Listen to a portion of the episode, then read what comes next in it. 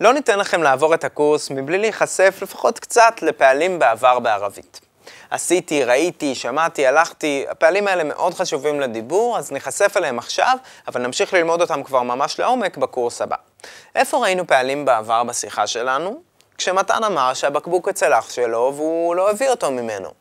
לא, וואלה, אני נענד אחוי, פי מה ג'יבתהאש ממנו. חוץ מזה, ראינו גם את גלעד אומר שהוא הביא כסף מסבתא שלו כדי לקנות כובע, סיפור אמיתי לגמרי.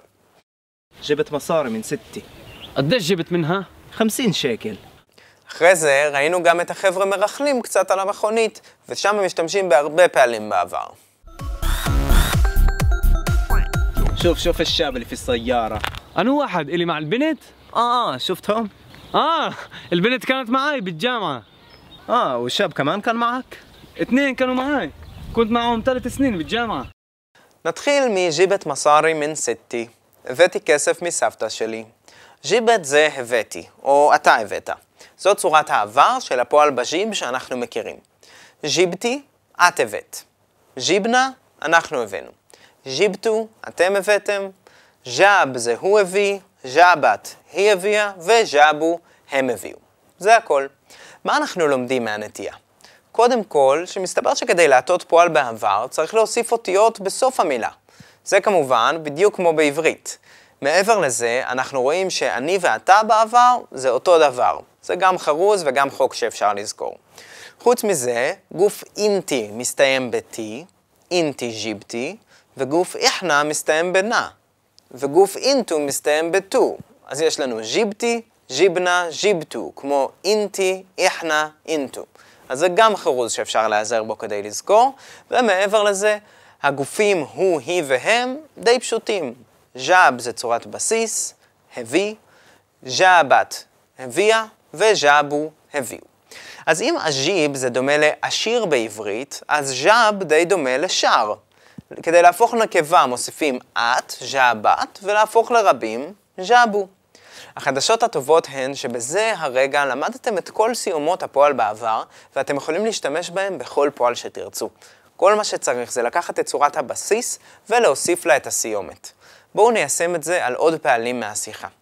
קודם כל, ראיתם את התשובה של מתן לזה שגלעד אמר שהוא הביא כסף מסבתא שלו?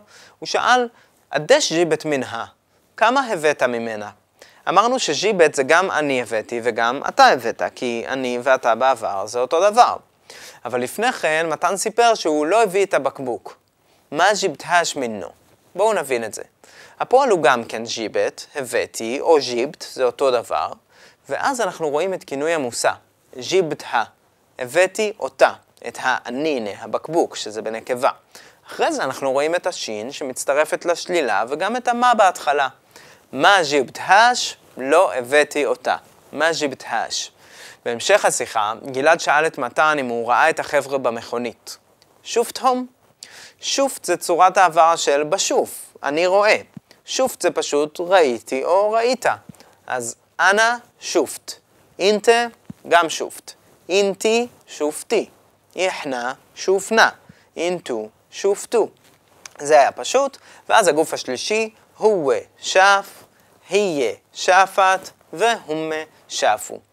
ומה זה כל כך שונה מג'אב?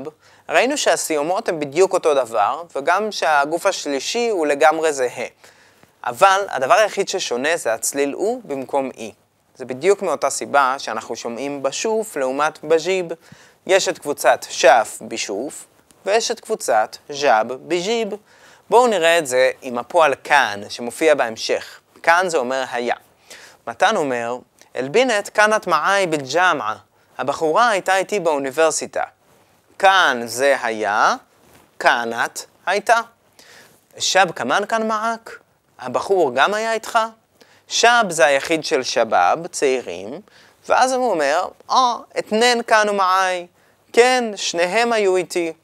כאן זה היה, כאנו, היו. ואז מתן אומר, קונט מעהם תלת סנין בלג'אמעה. הייתי איתם שלוש שנים באוניברסיטה. קונט זה בדיוק כמו שופט, הייתי. הצליל הוא הוא, כי הפועל הוא בקבוצת כאן ביקון.